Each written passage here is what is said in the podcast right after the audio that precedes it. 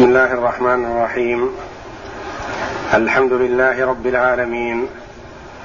والصلاة والسلام على نبينا محمد وعلى آله وصحبه أجمعين. وبعد. أعوذ بالله من الشيطان الرجيم. ما كان لنبي أن يكون له أسرى حتى يثخن في الأرض. تريدون عرض الدنيا والله يريد الآخرة والله عزيز حكيم. لولا كتاب من الله سبق لمسكم فيما أخذتم عذاب عظيم. فكلوا مما غنمتم حلالا طيبا واتقوا الله إن الله غفور رحيم. وهنا يقول الله جل وعلا ما كان لنبي أن يكون له أسرى حتى يثخن في الأرض. تريدون عرض الدنيا والله يريد الآخرة والله عزيز حكيم. لولا كتاب من الله سبق لمسكم فيما أخذتم عذاب عظيم. فكلوا مما غنمتم حلالا طيبا. واتقوا الله إن الله غفور رحيم. ما زال الكلام في غزوة بدر الكبرى. ما قبلها وفي أثناء المعركة وما بعدها. وهذه من الآيات التي بعد المعركة. في الكلام في الأسرى. وعرفنا فيما تقدم أن الله جل وعلا أيد رسوله وعباده المؤمنين بأن نصرهم على كفار قريش مع قلة عدد المؤمنين وضعف عدتهم ومع كثرة عدد الكفار وقوة عدتهم. فكان المؤمنون مع الرسول صلى الله عليه وسلم ثلاثمائة وبضعة عشر. وأما الكفار فكانوا ما بين تسعمائة وألف. وكان مع الكفار الفرسان والخيول. ومعهم العدة والعتاد والطعام. وكان المؤمنون في قلة من هذه كلها فكان الثلاثة الرجال والأربعة يعتقبون بعيرا. ولم يكن من معهم من العدة والعتاد مثل ما مع الكفار ولا قريبا منه. وذلك أن رسول الله صلى الله عليه وسلم والمؤمنين معه خرجوا لملاقاة عير كفار قريش ولم يخرجوا من أجل قتال الجيش. ولم يخرجوا لحرب لحرب جيش وإنما خرجوا لملاقاة عير قادمة من الشام إلى مكة مع أبي سفيان ومعه قلة من الرجال. فأراد الله ما أراد من إعزاز نبيه محمد صلى الله عليه وسلم ومن معه من المؤمنين على الكفار مع تفاوت ما بين الفريقين من حيث الإمكانيات. فنصر الله جل وعلا عبده ورسوله محمدا صلى الله عليه وسلم ومن معه من المؤمنين على الكفار. فقتل المسلمون من الكفار سبعين وأسروا سبعين من صناديد قريش وعظمائهم.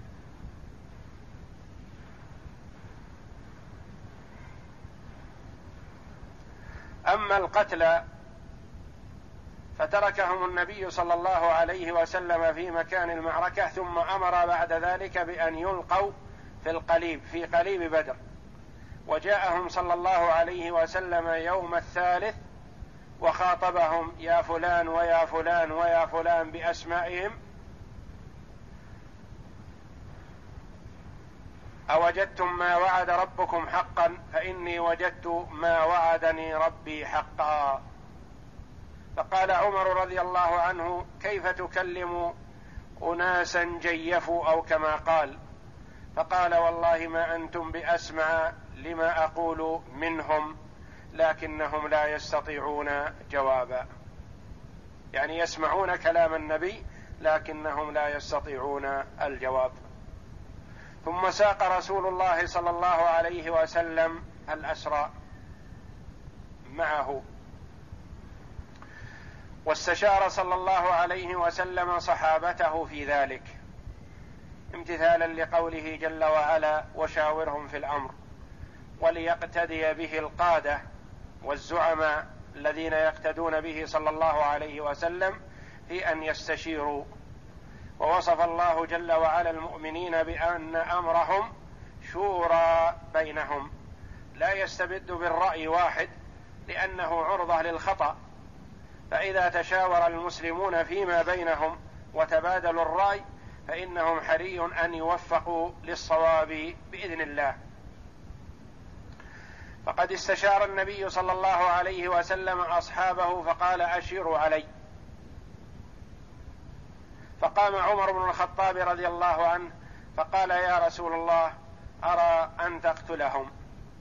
كذبوك وأخرجوك وآذوك. أرى أن تقتلهم. فسكت صلى الله عليه وسلم ثم أعاد الكلام مرة ثانية فقام عمر رضي الله عنه فقال بمثل قوله. ثم أعاد الكلام صلى الله عليه وسلم مرة ثالثة فقال أبو فقام أبو بكر رضي الله عنه وقال يا رسول الله عشيرتك وأهلك أرى أن تستبقهم لعل الله أن يتوب عليهم وتأخذ منهم الفداء وقام عبد الله بن رواحة رضي الله عنه وقال يا رسول الله أرى أن تلتمس واد كثير الحطب وتجمع الحطب وتؤجج عليهم النار. فسكت رسول الله صلى الله عليه وسلم ودخل مكانه.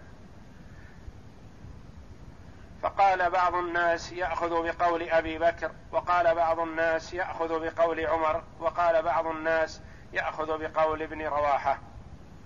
ثم خرج صلى الله عليه وسلم إلى الناس فقال إن الله ليلين قلوب عباد فيه حتى تكون ألين من اللبن. وإن الله ليشدد قلوب عباد فيه حتى تكون أقسى من الحجر. ومثل عليه الصلاة والسلام هؤلاء الصحابة رضوان الله عليهم بمن شابههم من الأنبياء فقال يا أبا بكر مثلك مثل إبراهيم عليه السلام حينما قال من تبعني فإنه مني ومن عصاني فإنك غفور رحيم. ومثلك مثل عيسى عليه السلام حينما قال إن تعذبهم فإنهم عبادك وإن تغفر لهم فإنك أنت العزيز الحكيم. ومثلك يا عمر مثل نوح عليه السلام حينما قال رب لا تذر على الأرض من الكافرين ديارا. ومثلك يا عمر مثل موسى عليه السلام حينما قال ربنا اشدد على قلوبهم.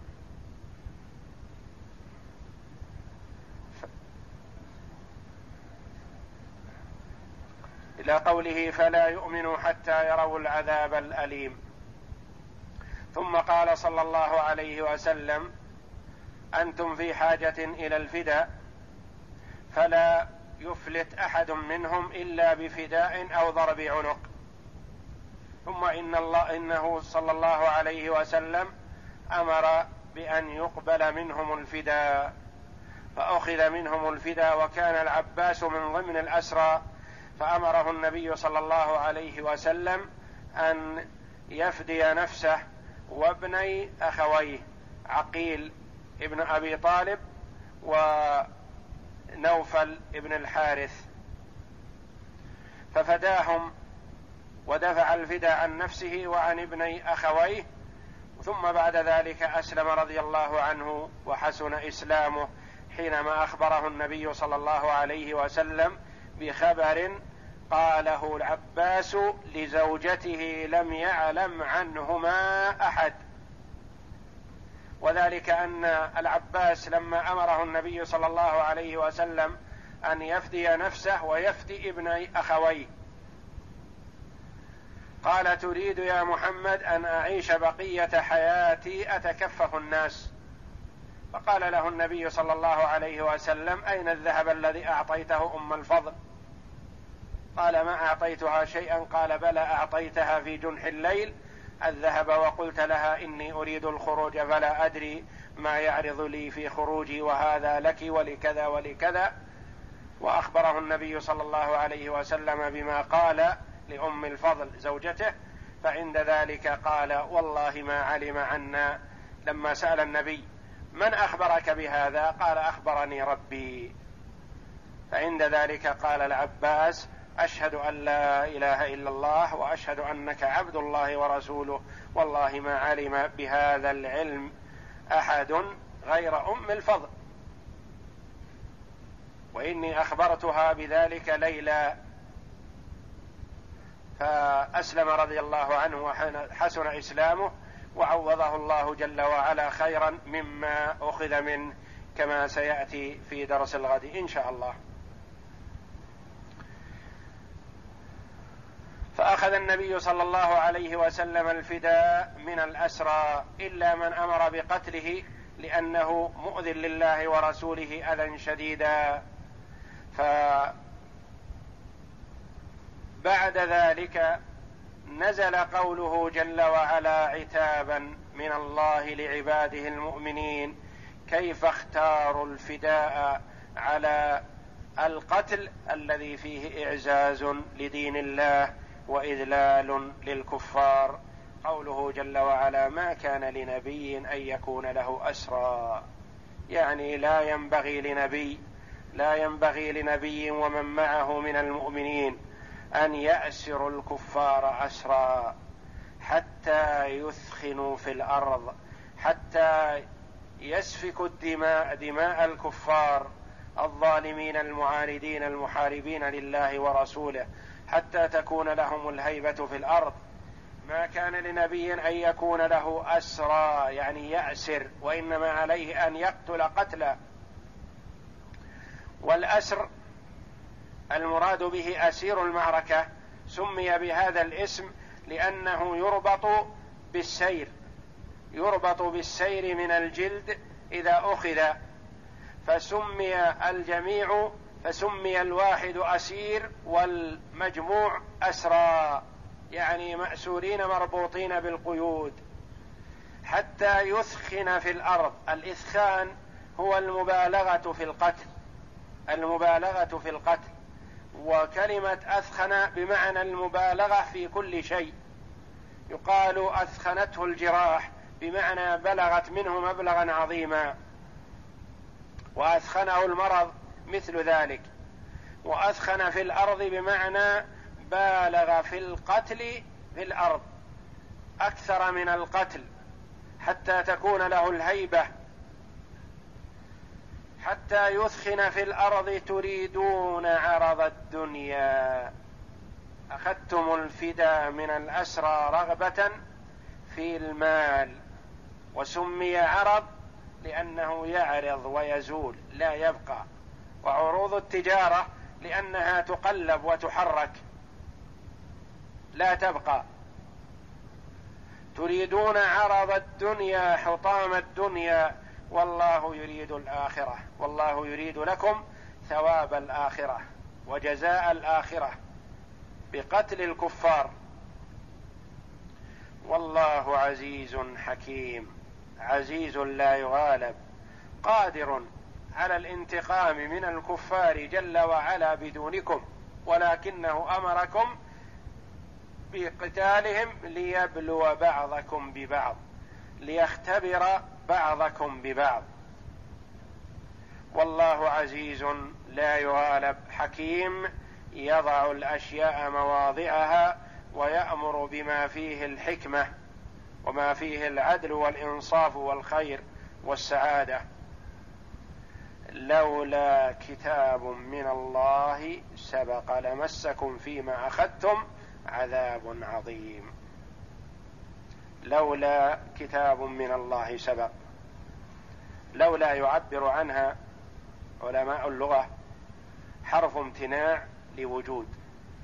لولا كذا لصار كذا. لولا وجود كذا لوجد كذا. لولا كتاب من الله سبق لحصل كذا. لكنه امتنع هذا الشيء لوجود ولهذا يعبرون عنها حرف امتناع لوجود.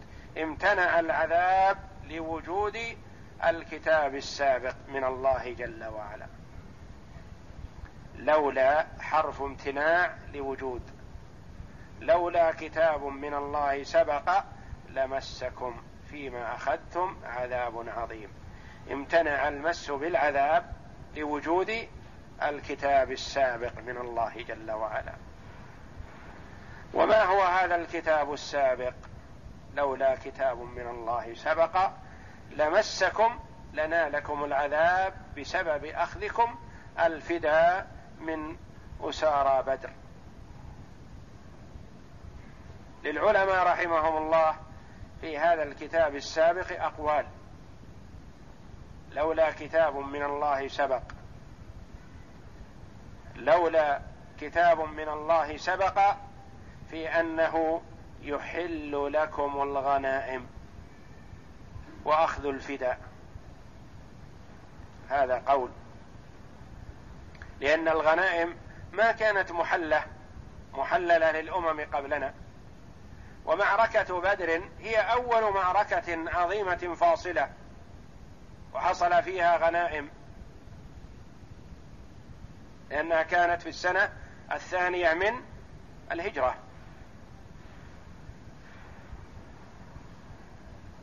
وهي أول معركة فصل الله بها بين الحق والباطل. وسمي يوم بدر يوم الفرقان.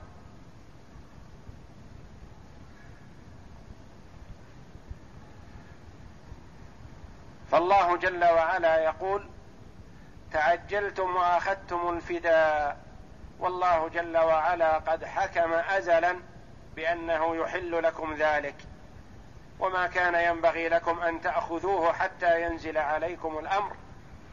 لكنكم قبلتم الفداء والله جل وعلا لا يعذبكم لاستعجالكم لأنه قد سبق في علمه أزلا بأنه سيحل لكم الغنائم. لولا كتاب من الله سبق. هذا قول. ما هو؟ لولا كتاب من الله سبق. في أن في أنه سيحل لكم الغنائم. الثاني. لولا كتاب من الله سبق. سبق من الله جل وعلا. أن اطلع على أهل بدر فقال اعملوا ما شئتم فقد غفرت لكم. سبق في علم الله أن الله جل وعلا لا يعذب من شهد بدرا من المؤمنين. ويشهد لهذا الحديث الصحيح الذي حصل من حاطب ابن أبي بلتعة رضي الله عنه. حصل منه أمر عظيم. الرسول عليه الصلاة والسلام أراد كتم الأخبار عن قريش حينما أراد غزوهم لفتح مكة وحاطب رضي الله عنه يرسل خطابا مع امرأة ليخبر قريشا بأن محمدا قد توجه إليكم. هذا أمر عظيم.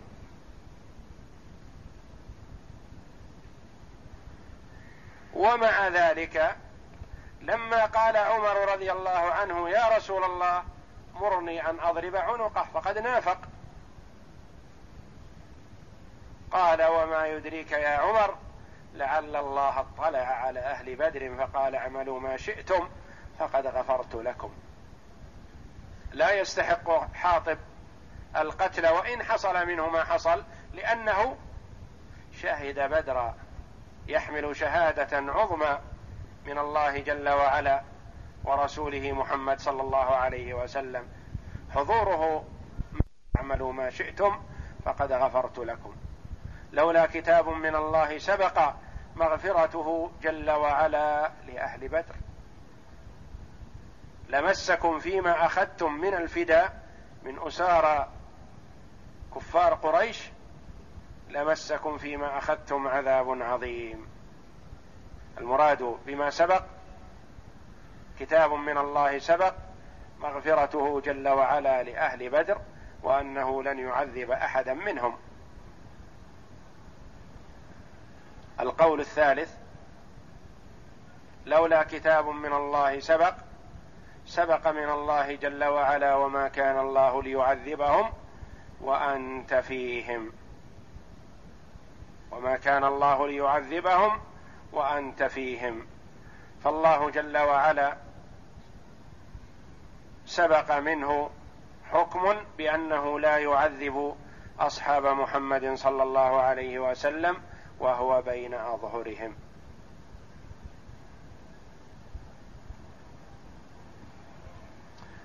قول الرابع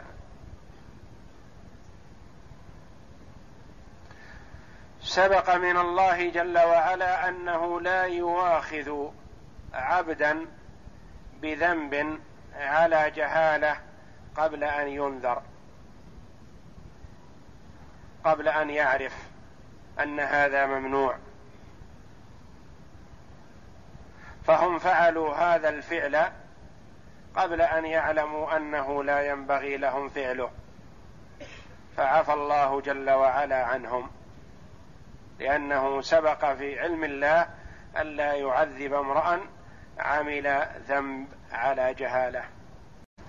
وقيل غير ذلك. وقال ابن جرير رحمه الله إن هذه الأقوال كلها تحتملها الآية وتدل عليها. وليس معناه أنها على واحد منها فقط وبينها تنافي بل هي بل الآية تدل على هذا كله ولا منافاة. لولا كتاب من الله سبق لمسكم فيما أخذتم. ماذا أخذوا؟ الفداء من الكفار. عذاب عظيم. وحينما أصبح عمر رضي الله عنه جاء إلى النبي صلى الله عليه وسلم بعد أخذ الفداء جاء إلى النبي صلى الله عليه وسلم ووجد عنده أبا بكر وهما يبكيان. فقال يا رسول الله أخبرني ماذا يبكيك ويبكي صاحبك. فإن وجدت بكاء بكيت وإلا تباكيت لبكائكما. فقال عليه الصلاة والسلام أبكي لما عرض علي أصحابي أو أصحابك لقد عرض علي عذابهم دون هذه الشجرة وأشار إلى شجرة قريبة. وقال في رواية أخرى لو نزل عذاب ما نجا منه إلا عمر. وفي حديث آخر ما نجا منه إلا عمر وسعد بن معاذ رضي الله عنهما لأن سعد غاضه حينما رأى الصحابة في معركة بدر يأسرون الكفار. وإنما قال أريد أن يثخنوا قتلا أن يثخنوا في الكفار قتلا ولا ياسروا فغاضه ذلك وهو وهو مع النبي صلى الله عليه وسلم في العريش على باب العريش رضي الله عنه يحرس النبي صلى الله عليه وسلم. لمسكم فيما أخذتم عذاب عظيم. فكلوا مما غنمتم حلالا طيبا. أحل الله جل وعلا الغنائم لأمة محمد صلى الله عليه وسلم. لأنه حينما نزل عليهم نزل نزلت عليهم والآية الأولى والتي تليها ما تدل على حل ما فعلوا بل فيهما العتاب. ما كان لنبي أن يكون له أسرى حتى يثخن في الأرض. تريدون عرض الدنيا والله يريد الآخرة والله عزيز حكيم. لولا كتاب من الله سبق لمسكم فيما أخذتم عذاب عظيم. فالله جل وعلا في الآية الأولى قال ما ينبغي لكم أن تأخذوا؟ وفي الآية الثانية قال لولا ما سبق لنزل عليكم العذاب فيما أخذتم. فيلزم من هذا أن يتوقفوا في حل الفداء الذي أخذوه. فأحله الله جل وعلا في هذه الآية فقال فكلوا مما غنمتم حلالا طيبا واتقوا الله.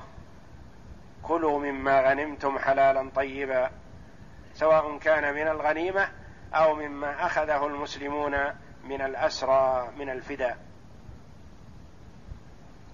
فكلوا مما غنمتم حلالا طيبا واتقوا الله. لا تتعجلوا بل انتظروا أمر الله فيما يأمركم به وامتثلوا أمره واجتنبوا نهيه. واتقوا الله إن الله غفور رحيم. ختمها جل وعلا بمغفرته ورحمته لعباده المؤمنين دلالة على أنه عفى عنهم لما حصل منهم. والعتاب هذا للمؤمنين حيث أشاروا للنبي على النبي صلى الله عليه وسلم بأخذ الفداء فنزل صلى الله عليه وسلم على رغبتهم لأن بعضهم أحب أخذ المال من أجل المساعدة في أن يستعينوا بذلك على قتال الكفار وبعضهم رأفة ورحمة بهؤلاء المأسورين لعل الله أن يهديهم للإسلام.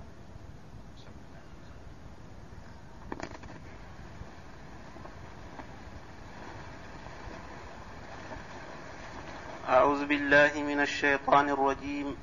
ما كان لنبي أن يكون له أسرى حتى يسخن في الأرض تريدون عرض الدنيا والله يريد الآخرة. والله عزيز حكيم. لولا كتاب من الله سبق لمسكم فيما أخذتم عذاب عظيم. فكلوا مما غنمتم حلالا طيبا. واتقوا الله إن الله غفور رحيم. قال الإمام ابن كثير رحمه الله تعالى قال الإمام أحمد حدثنا علي بن هاشم عن حميد عن أنس رضي الله عنه قال استشار النبي صلى الله عليه وسلم الناس في أسارى يوم بدر فقال إن الله قد أمكنكم منهم.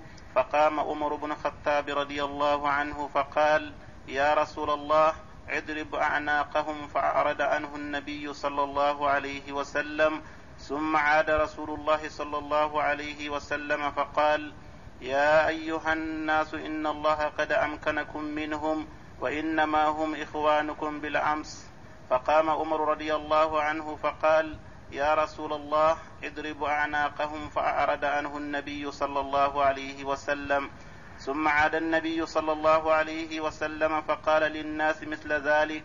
فقام أبو بكر رضي الله عنه فقام أبو بكر الصديق رضي الله عنه فقال يا رسول الله نرى أن أن تعفو عنهم وأن تقبل منهم الفداء فقال فذهب عن وجه رسول الله صلى الله عليه وسلم ما كان فيه من الغم فعفى عنهم وقبل منهم الفداء فقال وأنزل الله عز وجل لولا كتاب من الله سبق لمسكم فيما أخذتم عذاب عظيم. وقد سبق في أول السورة حديث ابن عباس في صحيح مسلم نحو ذلك وقال الأعمش عن عمرو بن مرة عن أبي أبيدة عن عبد الله بن عبد الله قال لما كان يوم بدر قال رسول الله صلى الله عليه وسلم ما تقولون في هؤلاء الأسارى؟ فقال أبو بكر فقال أبو بكر يا رسول الله قومك وأهلك استبقهم واستتب لعل الله واستتب لعل الله أن يتوب عليه. واستتبهم. واستتبهم لعل الله أن يتوب عليهم. فقال عمر رضي الله عنه يا رسول الله كذبوك وأخرجوك كذبوك وأخرجوك فقدم فقد فقدمهم فقدمهم فاضرب أعناقهم. فقال قال عبد قال عبد الله بن رواحة يا رسول الله أنت في أنت في واد كثير الخطب. أنت في واد أنت في واد كثير الحطب. فاضرم الوادي عليهم نارا ثم ثم ألقهم فيه. فقال فسكت رسول الله صلى الله عليه وسلم فلم يرد عليهم شيئا.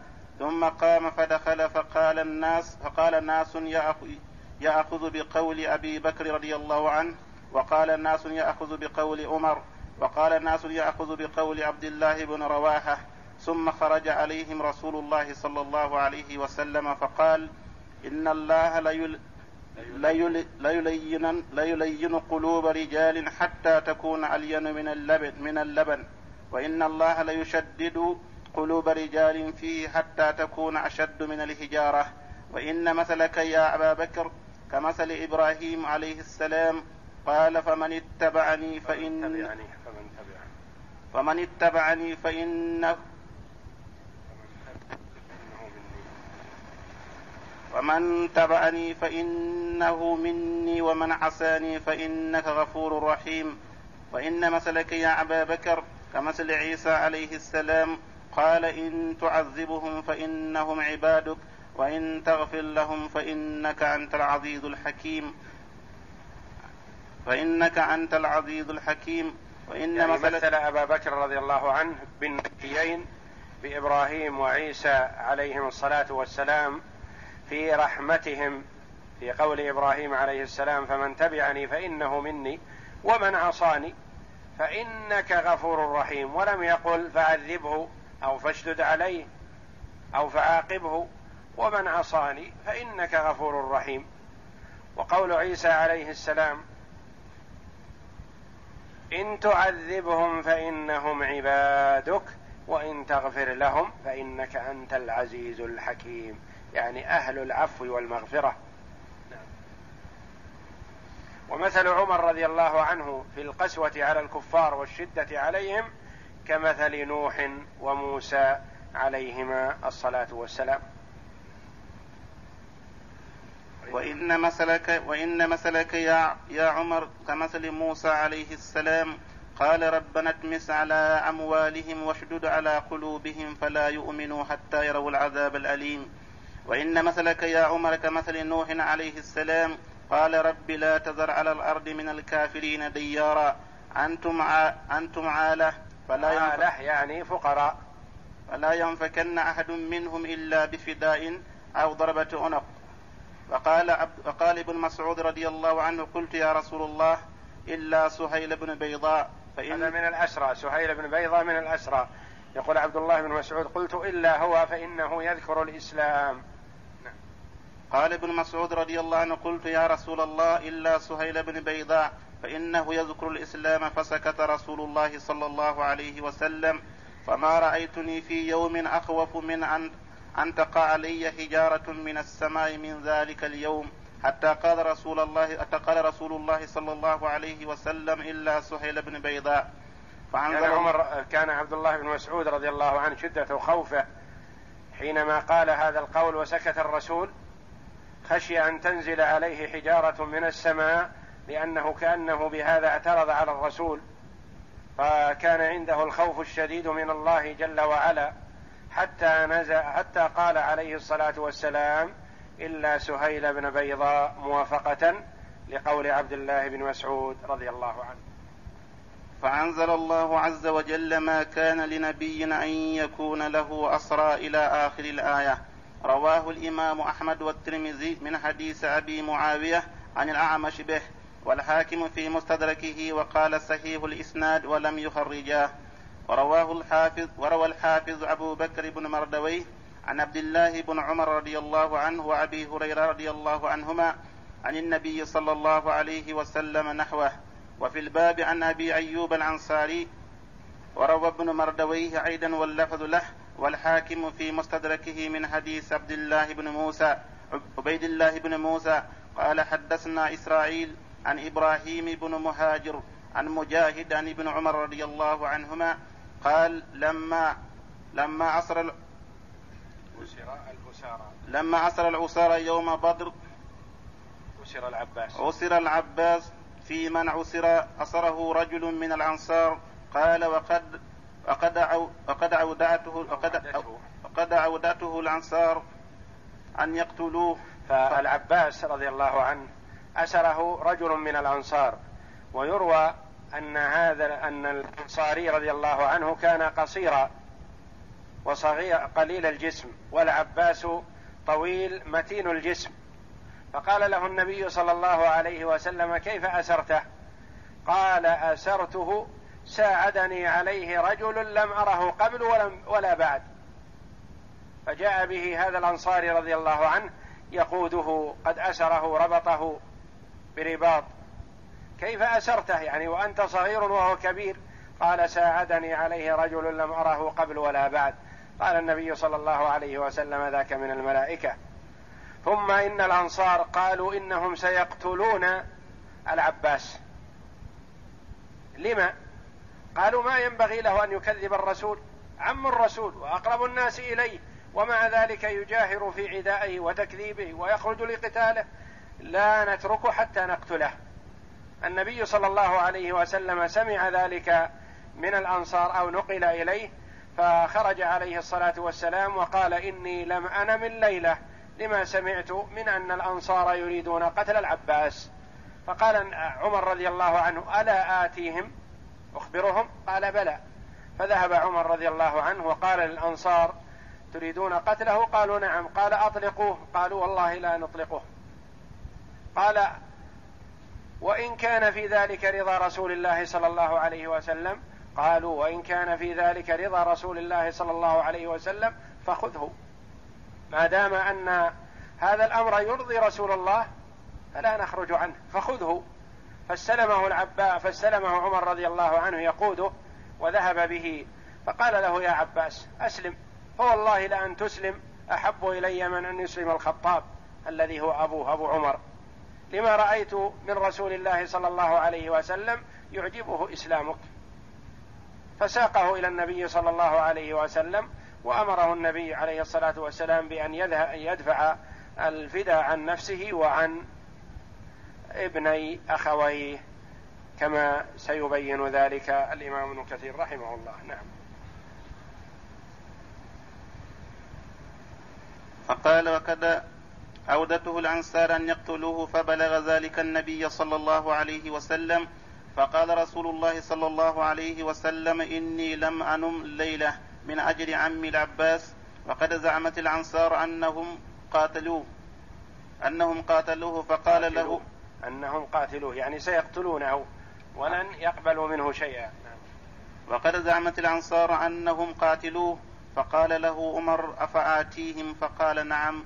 فأتى عمر الأنصار فقال لهم أرسلوا العباس فقالوا لا والله لا نرسله. فقال له عمر وإن كان لرسول الله صلى الله عليه وسلم رضا قالوا فإن كان لرسول الله صلى الله عليه وسلم رضا فخذه. فأخذه عمر فلما صار في يده قال له قال له يا عباس أسلم فوالله لأن تسلم أحب إلي من أن يسلم الخطاب.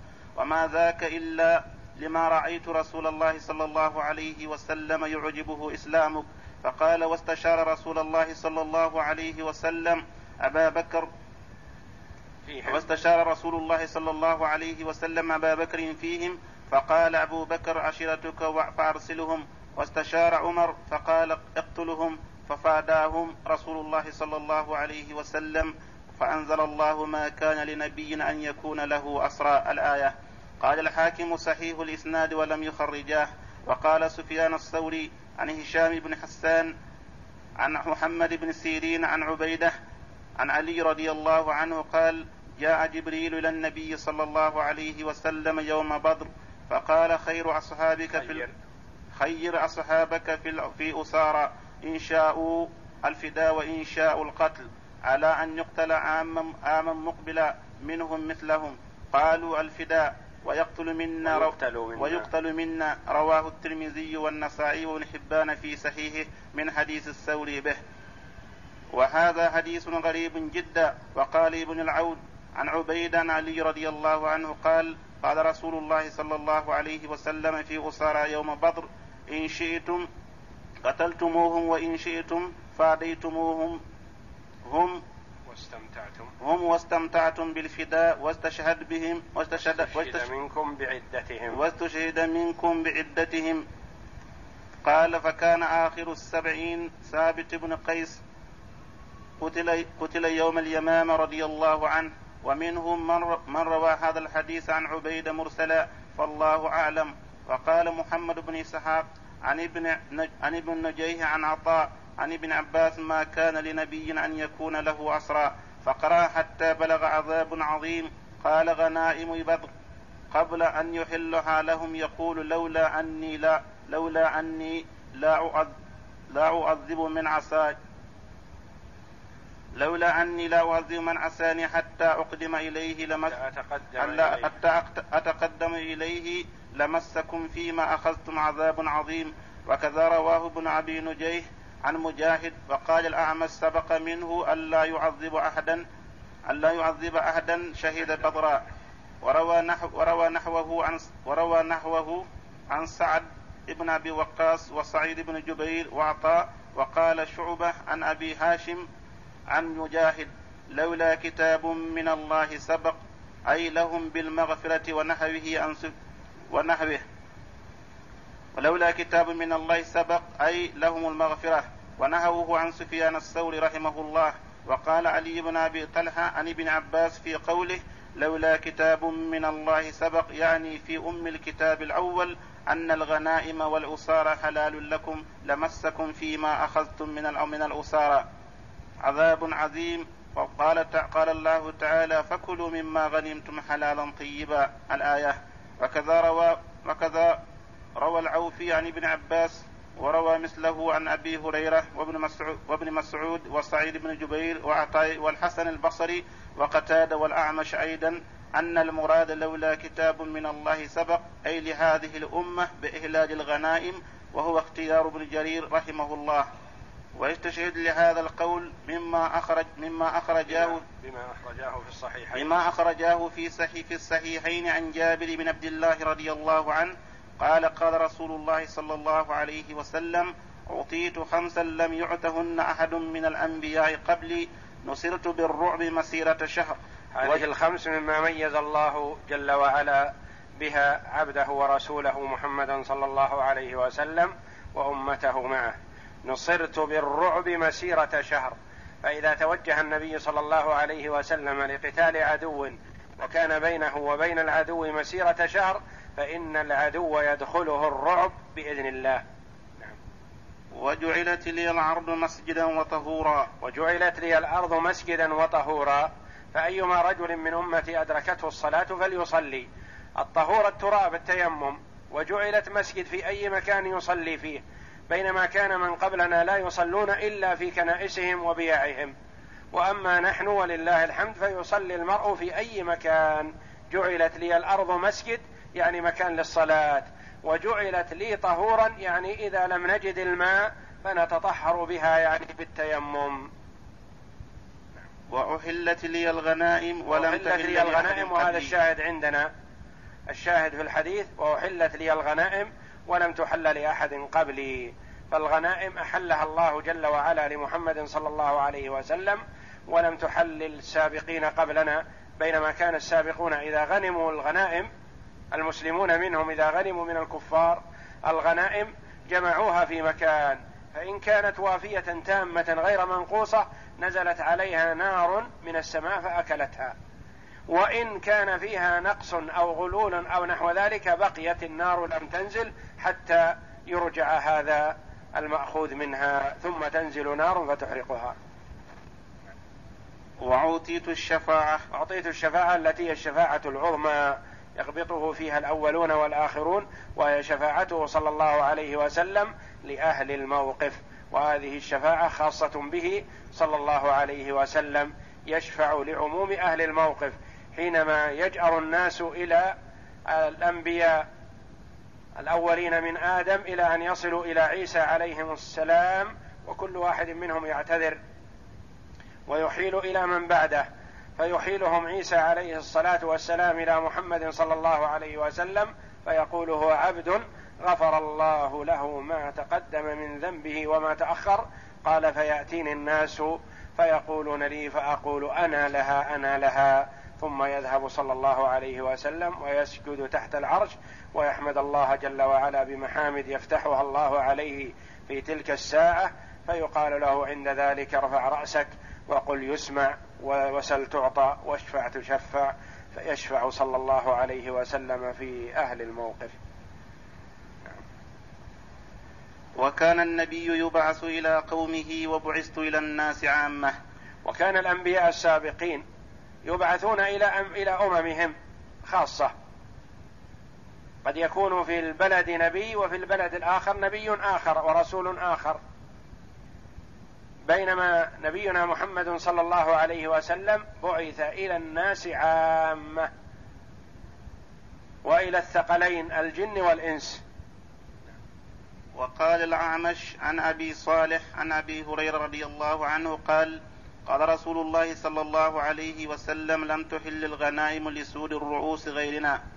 غيرنا. غيرنا. ولهذا قال تعالى فكلوا مما غنمتم حلالا طيبا. الآية. فعند ذلك أخذوا من من عصار من العصار من العصر من العصار الفضة.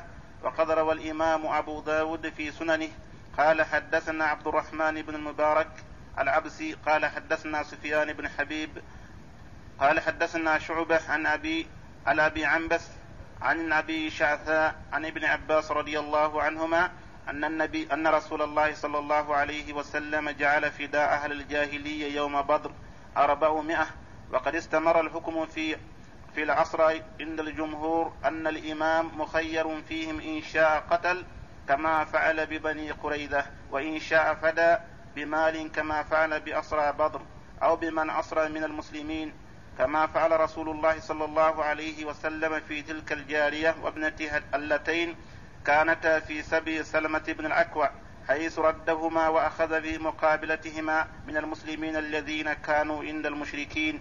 وإن شاءوا استرق من من عصر هذا مذهب الإمام الشافعي وطائفة من العلماء وفي المسألة خلاف آخر بين الأئمة مقرر في موضعه من كتب الفقه.